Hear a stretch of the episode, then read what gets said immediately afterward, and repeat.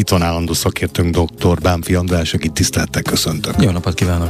Mivel készült már a doktor úr? Ha kutyákat, macskákat tartunk, akkor a szőr egy állandó probléma, főleg a lakásban tartjuk őket. Ajaj. Vagy pedig, vagy pedig részben lakásban, részben kertben, tehát ilyen kibejárós módon. Ez egy állandó probléma, hogy mi legyen azzal a szőrrel. Folyamatosan uh, eresztik a szőrt, állandóan takarítani kell. Hogy lehetne ezzel a kérdéssel ügyesen bánni?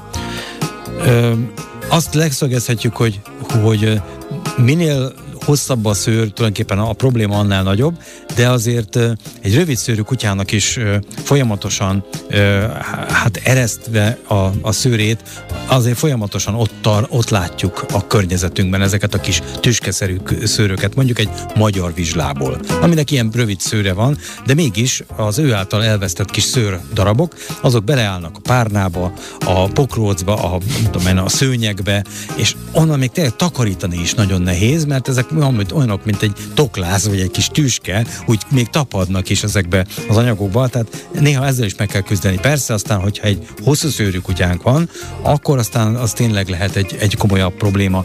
Hát hogyan próbáljuk meg ezzel fölvenni a, a harcot, ha lehet ezt így ö, fogalmazni. Ö, tulajdonképpen ha kint is, bent is tartott kutyáról van szó, akkor ö, talán fontos, ha csak lakásban, akkor meg nagyon fontos, hogy próbáljuk meg ö, ciklikusan tavasszal, ősszel fölkészíteni erre a vedlésre. Nem azt jelenti, hogy gátoljuk meg, hogy a szőr hullása ö, fölgyorsuljon, hanem pont az ellenkezője. Próbáljuk lerövidíteni azt az időt, amíg a szőrhullása, a szőrcseréje tart, és ezáltal mondjuk a takarítási periódusokat is rövidíteni tudjuk. Tehát meg kéne azt akadályozni, hogy az év 365 napjában folyamatosan erről szóljon a, a kutyatartás, a macskatartás.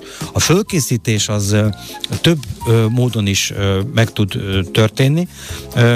Az egyik az, hogy hogy tehát úgy próbáljuk meg rövidíteni ezt a bizonyos szőrhullási időt, ami leginkább azért tavasszal és ősszel jellemző, hogy vannak olyan anyagok, amelyeknek az adása akár kapszulában vagy bőrrecsöpögtetés formában, a gyógyszeradagolási formában olyan anyagokat biztosít, plusz anyagokat biztosít az állat számára, amelyek során a szőrcsere ö, intenzív lesz. Rövid, de intenzív. És Hát ezt jobban túl lehet élni, én azt gondolom. Ilyen, tehát ilyen fölkészítés során ugye ezek a, most elmondhatnám nyilván terítetlen zsírsavakat, meg cinket, rézt, mindenféle szelént és mindenféle vitaminokat tartalmazó anyagokról van szó. A lényeg az, hogy mindazokra az anyagokra túlkínálatban ö, adunk ezekből az anyagokból az állatnak, amire egyébként egy szőrcsere során szüksége van. Ez egy kicsit provokálja a szőrcserét, az új szőr már egy fényes és nagyon egészséges szőr lesz, az régi elhalt szőr pedig gyorsabban leürül az állatról. A másik pedig, hogy tisztítani kell. Ja, szokták mondani, hogy a kutya kefe az egy jó dolog, én szerintem nem. A, legalábbis én nekem nem, nem vált be, vagy nem, nem jó tapasztalatom van vele, viszont nagyon jó tapasztalatom van azokra, azokra a szőrgyűjtő kesztyűkről, amiket lehet kapni. Fölhúzom a kezemre, végig simítom az állatot, és ez kiszedi azokat az elhalt szőröket, amik, amik, már, amik már nem hasznosak, csak, csak ö, ö, még rajta vannak az állaton, de el fogja veszíteni, mert már elhalt.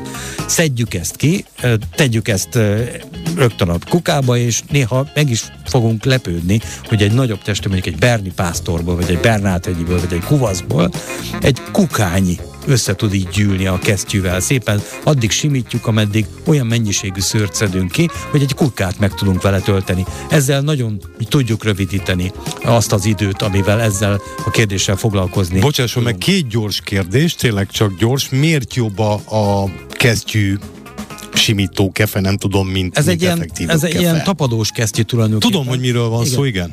Én nekem ez jobban bevált. A, a, nyilván valakinek a, ez a szőr ö, kiszedő ö, fésű vagy kefe is bevált, ö, ilyeneket egyiket lehet kapni.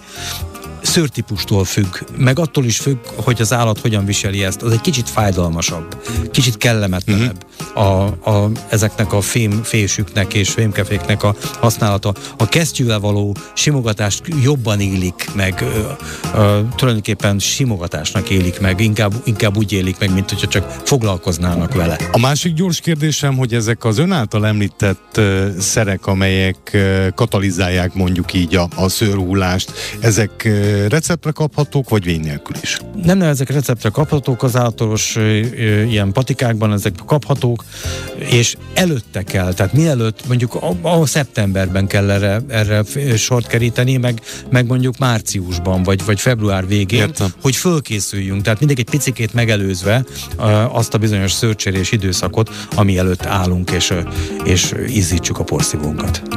Köszönöm szépen, a kedvencek megmentőjét hallották, dr. Bámfi Andrásnak hálásan köszönöm ezeket az információkat, és ha már itt tartunk, ha valaki lemaradt volna erről az adásról, vagy az előző adásokról, azt nyugodtan bepótolhatja, mert hogy a Jazzy oldalán, Jazzy weboldalán megtalálhatja a podcastok között. Én ajánlom mindenki figyelmébe, mert dr. Bámfi András hétről hétre mindig olyan hasznos témákat, tippeket hoz, amely mindenkinek csak a javát szolgálja. Andrásnak köszönöm, egy hét múlva találkozunk. Rendben, köszönöm szépen.